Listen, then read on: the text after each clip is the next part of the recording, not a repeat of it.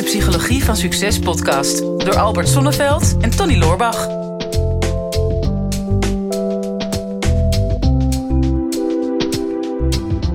Tony, het zal jou best ook wel eens een keer eh, overkomen zijn. Namelijk een persoonlijkheidstest. Ja. En ehm, ja, ik, ik moet nog terugdenken aan, aan mijn persoonlijkheidstest die ik ooit een keer op school gedaan heb. Eh, want het was een soort beroepskeuzetest.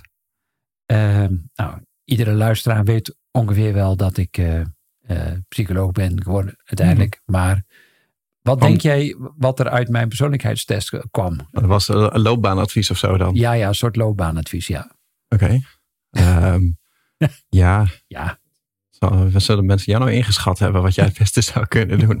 En het allerergste is, was ook nog op basis van de vragen natuurlijk, ik heb mijn eigen antwoorden gegeven.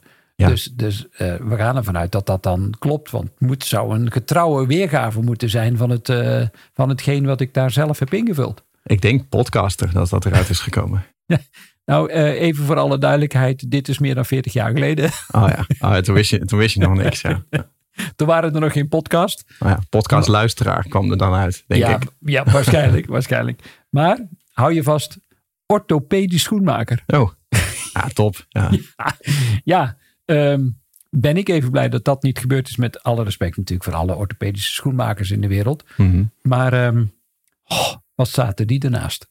Ja, nou, misschien dat er met, jou, met jouw carrière switch wel een heel eh, getalenteerd eh, schoenmaker verloren is gegaan dan. Nou ja, dat zou kunnen. Maar ik heb altijd geleerd, schoenmaker hou je bij je leest. Ja, wou echt precies dezelfde grap maken. je bent toch iets anders gaan doen. ik ben iets anders gaan doen. Laten we eens naar onze vragensteller. eh, want Ja. iemand heeft daar een vraag over gesteld. Over ja, over persoonlijkheidstesten. Ja, Ja. Kevin, die stuurt... hey, Tony en, Albert, Tony en Albert. Nu een tijdje luister ik iedere avond een aflevering van jullie podcast. Jullie inspireren mij enorm. Kijk, het begint heel vaak. Het zijn bijna honderd avonden al, hè? Het begint altijd wel, een vraag begint altijd wel met, met een leuk compliment. Lees nooit allemaal helemaal voor, want we staan op tijd. En als ik dat dan dit nog weer ga uitleggen, duurt het nog langer, zeg maar. Ja. Maar ehm, misschien is het alles in behandeld. eh, maar het lijkt me interessant om te horen hoe jullie tegen persoonlijkheidstesten aankijken. Welke jullie goed vinden. En hoe je de resultaten daadwerkelijk invloed kan hebben op je leven en je gedrag. Ja, heb, jij, heb jij veel testen gedaan sinds de basisschool? Ja, best wel. Maar dat had natuurlijk ook wel met mijn opleiding te maken. hè, Mhm. Want eh, nou ja, in de psychologie eh, word je natuurlijk eh, eindeloos getest. en niet alleen door je cliënten. Ehm, ja, dus daar wordt ook altijd wel onderzoek naar gedaan. Van wat is nou de effectiviteit van een test. Ehm, dus ik heb er heel wat voorbij zien komen. Mhm. En ehm, ja, het is, het, is altijd weer fascinerend als ik kijk naar die, naar die testen. Van, het geeft ook altijd een bepaalde nieuwsgierigheid. Ik denk dat jij ehm, als, als internet-expert ook wel weet dat ehm, ja, welke, welke dingen worden het eerst aangeklikt. En dat zijn meestal toch wel van die simpele testjes. Ja, klopt. Ja, dat, dat, dat is heel verleidelijk. Hè? Dat, dat zijn, eh, in eh, marketing merk je ook dat eh, wij leren mensen natuurlijk van geef iets gratis weg om een naam en een e-mailadres te ontfutselen. Dus meestal is dat een, een gratis e-book of zo wat je als ondernemer weggeeft. Maar een testje werkt inderdaad over het algemeen veel beter. Hè? Dus heeft een bepaalde entertainment factor. En ehm, dit zijn dan serieuze testen van, hè, van wat is je persoonlijkheid. Maar eh, je hebt bijvoorbeeld ook eh, meer eh, entertainment testen. Hè? Dus welke character uit Game of Thrones ben jij? Nou, dan doe je een Game of Thrones test. En dat, dat mensen willen dat weten. En mensen willen dat ook delen. En ze zijn er ook trots op. En het is wel grappig, want ik heb dus eh, nog even een, een testje gedaan.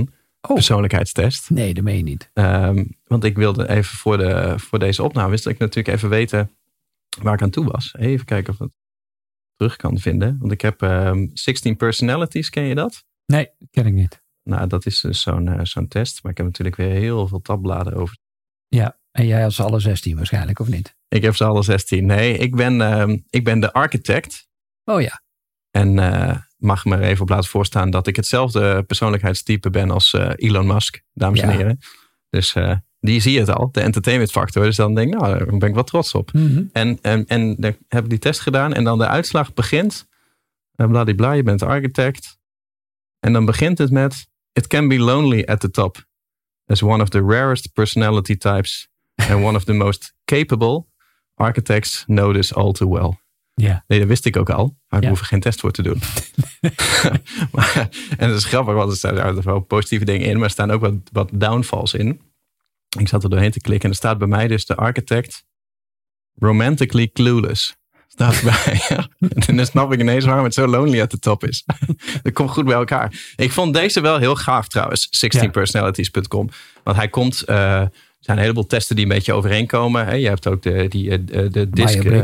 En ja, de Dix. ja, disc. ja. En, volgens mij, wat is de eerste die je noemde? Myers-Briggs, ja. dat is volgens mij dezelfde als deze. Ja. Alleen eh, deze heeft hem, heeft hem heel goed uitgewerkt. En er zit echt een verslag bij van, van talloze pagina's wat uitlegt hoe jij bent, hoe je reageert in sociale situaties, in je liefdesleven, in je carrière, zeg maar op alle gebieden. En ik zat er doorheen te lezen en ik vond wel echt, tuurlijk, ik weet dat je graag leest wat je wil lezen. Mhm. En dat je erin wil herkennen. Maar ik had af en toe echt dat ik het zat te lezen en denk, dit is, dit is echt gewoon bijna autobiografisch. Ja. Wat hier staat over mijn eh, type. En ik vond dat wel heel nuttig. Dat ik, dat ik wel zie van, oké, ik snap wel beter nu waarom ik op sommige dingen heel goed ga en waarom ik op sommige dingen heel slecht ga. En ik denk wel dat dat nuttig is om over jezelf te weten. Eh, maar ook in je team. En wij hebben het ook een keer met heel IMU hebben zo'n diskanalyse gedaan. Ja. En eh, hè, dan allemaal testje en dan eh, kijken wat voor kleur je dan was. Hè? Eh, rood, geel, blauw of groen is dat Ja, volgens ja, mij. Klopt. En dan moesten we allemaal in, in verschillende hoeken van het kantoor gaan staan, zeg maar, op basis van welke kleur je was. En toen bleek gewoon dat wij één bepaalde kleur hadden wij volgens mij helemaal, helemaal niet. Nee, We hadden gewoon, de helft van ons bedrijf was, was blauw, volgens mij. en toen dacht ik van... Zelfs het logo is blauw. Zelfs alles is blauw bij ons. Ja, en eh toen zat ik ernaar te En je kijken. ah, overhemd is blauw. Alles is blauw. ja, ik ga er gewoon heel goed op. Maar, maar gewoon eh, dat je... Er zaten een heleboel mensen bij, waaronder ik zelf... die een ander type waren dan dat ze dachten. Terwijl ik voor mezelf ook dacht dat ik best wel veel met persoonlijke groei bezig was. Ik, ik wist bijvoorbeeld niet dat ik zoveel van extraversie had. Terwijl ik Mhm. dacht van introverter dan ik word het niet. Maar dat was helemaal niet zo. Ehm, en dan zie je ook een beetje hoe het in het team verdeeld is. Hè? Van waar liggen de krachten en wat missen we dan in de organisatie? En wat kan je bepaalde mensen beter wel laten doen? En, en wat kan je beter aan iemand anders overlaten? Dus ik, ik vond dat wel heel nuttig om te doen, ja. En, en dat is denk ik ook mooi van een persoonlijkheidstest. Dat is natuurlijk ook de vraag van ja, wat, wat, wat heb je eraan? Nou, in eerste instantie denk ik voor jezelf. Dat is denk ik ook de reden waarom dat mensen podcasts luisteren of boeken lezen.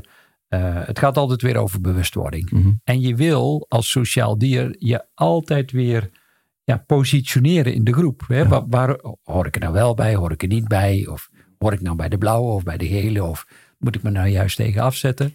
En daar zijn persoonlijkheidstesten denk ik eh, heel, heel goed voor. Omdat ze vaak heel goed in staat blijken te zijn om iets wat jij zelf hebt ingevuld nog beter te verwoorden. Ja. Want vaak voel je dat intuïtief wel aan. Dat het lonely at de top is bijvoorbeeld. Mhm. Maar als je het daar dan ziet staan, letterlijk en figuurlijk, en het is een autoriteit ook nog eens een keer die dat bevestigt. Oh man, dat geeft je een goed gevoel. Ja, ik ga wel vanavond testen, even, want je kan gelukkig alle personality types kan je lezen. Ja, Ik denk dat ze allemaal de eerste zin beginnen met: Dit is een van de meest zeldzame karakter. Want, dus het moet ook een beetje vlijend zijn. Ja en, en, en, en dat gebeurt ook. Hè? Dus, dus, dus dat is denk ik ook eh, het mooie en ook het charmante eraan. Soms krijgt het ook een beetje een, een horoscoopgehalte. en dan Ja. heb ik het niet over de echte horoscopen en de echte, echte astrologen.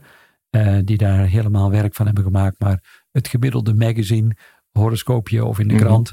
ehm, ja, dat is zo algemeen. Daar kan iedereen zich wel op een bepaalde manier in vinden.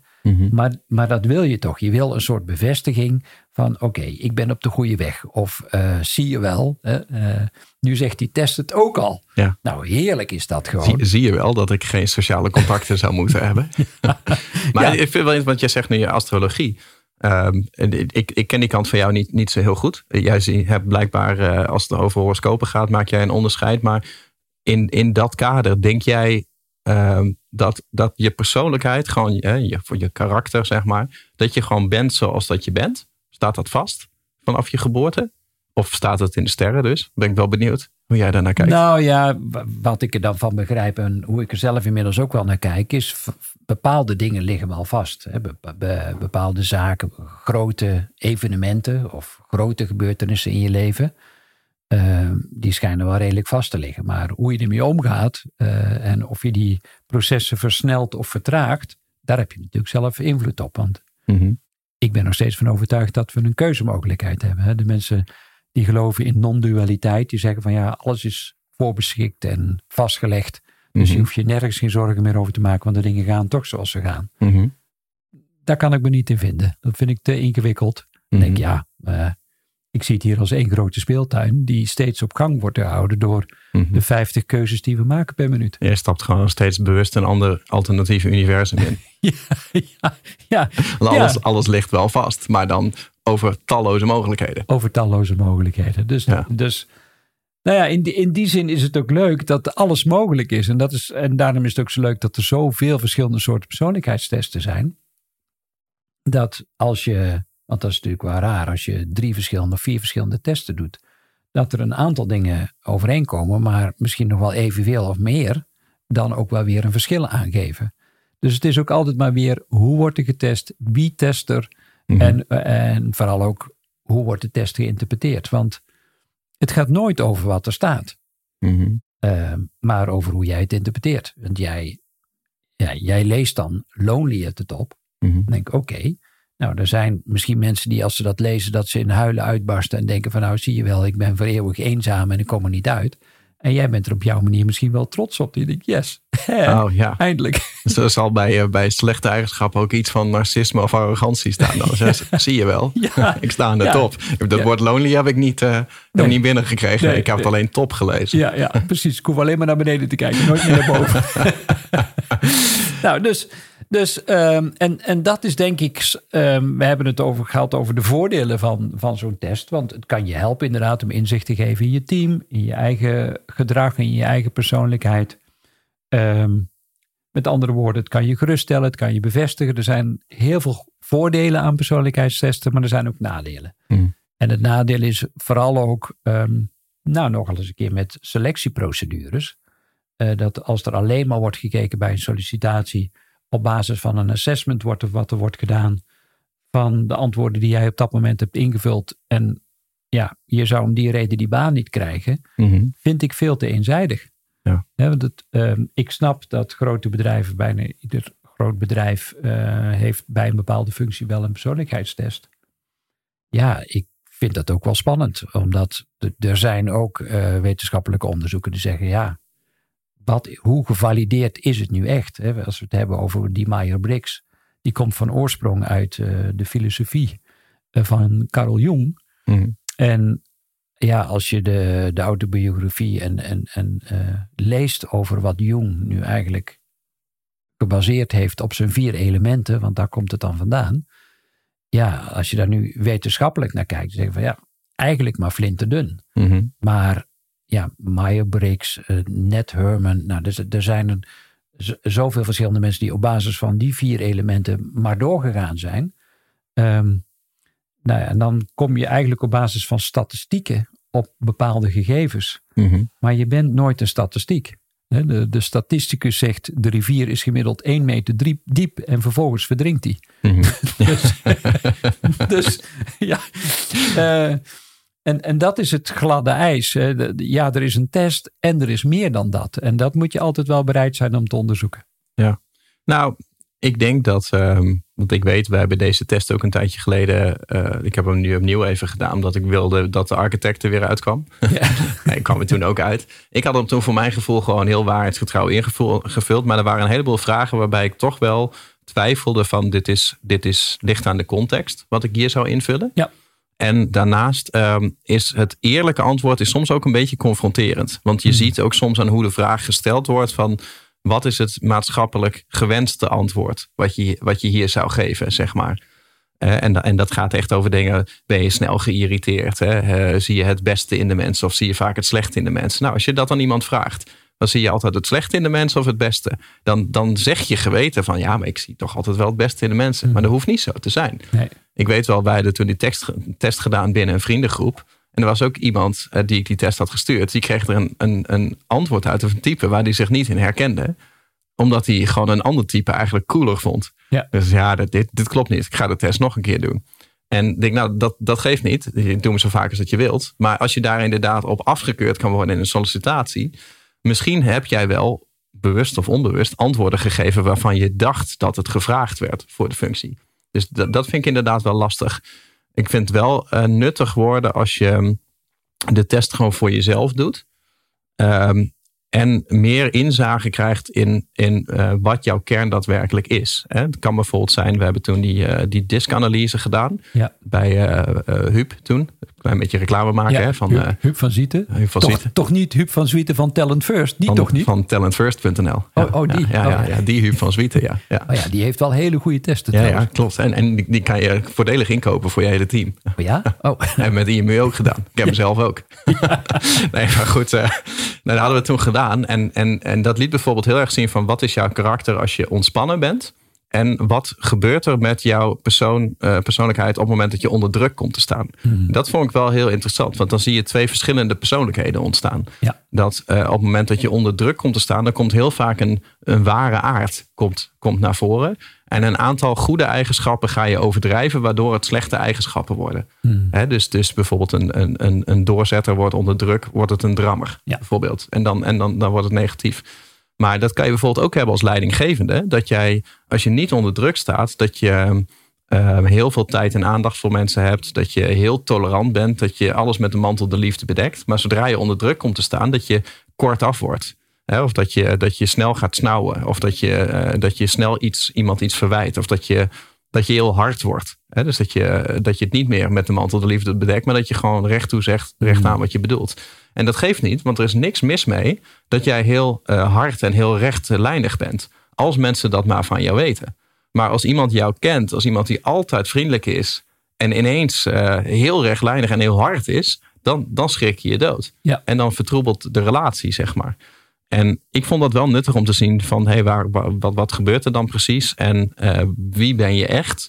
En uh, welk typetje speel je op het moment dat je of ontspannen of juist gestrest bent? Ja, ja dus en, en dat is denk ik het, het mooie wat ik ook geleerd heb van uh, wat ze dan noemen het Johari-raam. Mhm. Um, ja, er is een deel van jou is al bewust en dat ken je zelf en dat kent je omgeving. Maar er is ook een deel wat voor jou nog onbewust is, maar de anderen zullen dat misschien voor jou herkennen. Ze van ja, maar ik weet absoluut wel dat je af en toe wel uh, uh, heel rechtlijnig kunt zijn. Of dat je wel heel kort door de bocht kunt zijn, of wat dan ook. En, maar dat weet je van jezelf niet. Dat is dan je blinde vlek. Maar er zijn ook dingen die jij wel van jezelf weet, maar de ander niet. Hm. Dat is je geheim. maar dat blijft ook een beetje verborgen voor de rest. Ja, en dan zijn er ook nog een aantal dingen die jij niet weet van jezelf en de ander ook niet van, uh, van jou. Ja, en dat is dan het, het grote onbewuste. Hm. En de bedoeling is in dat Johari-raam dat dat wat jouw blinde vlek is, dat dat steeds duidelijker wordt voor jou. Um, en de omgeving wist het gelukkig al. Mhm. En er is ook een deel wat jouw geheim is en dat misschien heerlijk is om dat te delen, zodat je dat ook niet meer bij je hoeft te dragen. Dat je steeds transparanter wordt ook. Dus je schuift wel steeds verder op. En er zijn natuurlijk allerlei manieren om dat wat bewust is uh, ja, te laten, maar dat wat onbewust is steeds bewuster te maken voor jezelf. Omdat je daardoor wel een makkelijker leven krijgt. Want dan hoef je ook geen geheim meer te hebben. Um, ja, en je, kunt, je hoeft ook niet meer te schrikken als mensen jou confronteren met iets wat je van jezelf nog niet wist. Ja. ja dus een persoonlijkheidstest kunnen je daar absoluut bij helpen. Mm -hmm.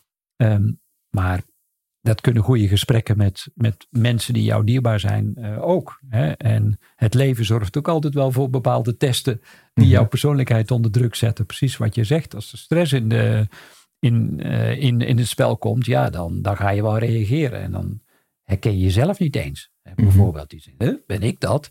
En dat ik zo uit mijn plaat kan gaan omdat mijn favoriete voetbalelftal in één keer verliest of zo. Mm -hmm. Nou, dat is ook heel erg. Ja, dat, dat is ook dramatisch. Dat maar ja, um, kortom, denk ik, alles wat wij nodig hebben uh, op deze planeet is uh, het antwoord op de twee allerbelangrijkste vragen in ons leven. Wie ben ik en wat wil ik? Mm -hmm. Nou, die wel, wie ben ik is, is denk ik de belangrijkste reden dat persoonlijkheidstesten zo populair zijn. Alleen, laat je leven er niet van afhangen. Mm -hmm. uh, uh, het is denk ik altijd mooi om de uitslag met een glimlach te ontvangen. En zeg ik, nou, dat is interessant. Uh, of, oh, daar ben ik nieuwsgierig naar. Maar daar, st daar stopt het niet. Het is geen conclusie.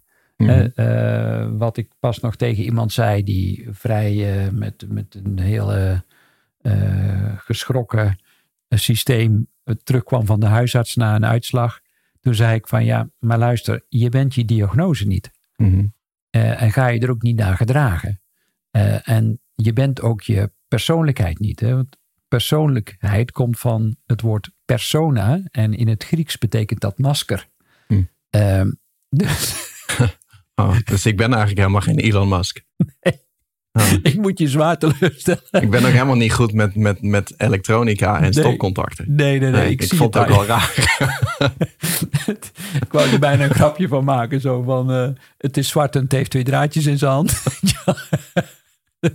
Tony is elektricien. Hè? Dus doe dat niet, man. maar ehm, dus het houdt niet op bij uh, de uitslag van de test. Daar begint het eigenlijk pas. Door Hmm. dan uh, nieuwsgierig onderzoek te gaan doen en te zeggen: oké, nou, dat is hoe de test ernaar kijkt. Maar uh, wat zegt de rest van de omgeving? Ik ga mensen vragen of ze dit herkennen bij mij. En dat kan, en dat vind ik het mooie van persoonlijkheidstesten, altijd fantastische gesprekken opleveren. Mhm. Ik, als je een beetje vacuüm verpakte in je relatie zit, doe eens samen een persoonlijkheidstest. En je hebt gewoon een weekendvullend programma. Ja, precies. Ja. ja, dan kan je het hele weekend lang alles ontkrachten. Dan kun je alles ontkrachten. Um, ja, of niet. Hè? Maar uh, ik denk dat dat gewoon de moeite waard is. Ik vond het echt een hele leuke vraag. Mhm. Ook weer voor, uh, voor deze podcast. Ik hoop wie was het ook alweer? Ik ben even zijn naam kwijt. Ja. We hebben nou een tijdje geleden een keer dat ik de naam niet meer wist. Um, en dan ga je me dan nog een keer op de spot zetten. Dat je Kevin. Met, Kevin, dat je, Kevin, dat je iets uh, kan met dit antwoord. Ik wou bijna zeggen home alone, maar dat is een flauwe grap. en um, ja, wat, wat vind jij van persoonlijkheidstesten? Uh, herken je erin? Heb je daar zelf positieve of negatieve ervaringen mee? Deel ze onder deze video. Wij zijn ontzettend benieuwd naar je antwoord. Mag natuurlijk ook een duimpje geven op het moment dat je helemaal blij bent met deze uitzending. Motiveert ons waanzinnig om door te gaan. Weten wij ook een beetje waar we aan toe zijn. En wij houden ook van erkenning en herkenning. Zo zitten we nou wel in elkaar. Tenminste, dat zei de distest tegen ons. Graag tot de volgende keer. Doei! Dit is de Psychologie van Succes podcast door Albert Sonneveld en Tony Loorbach.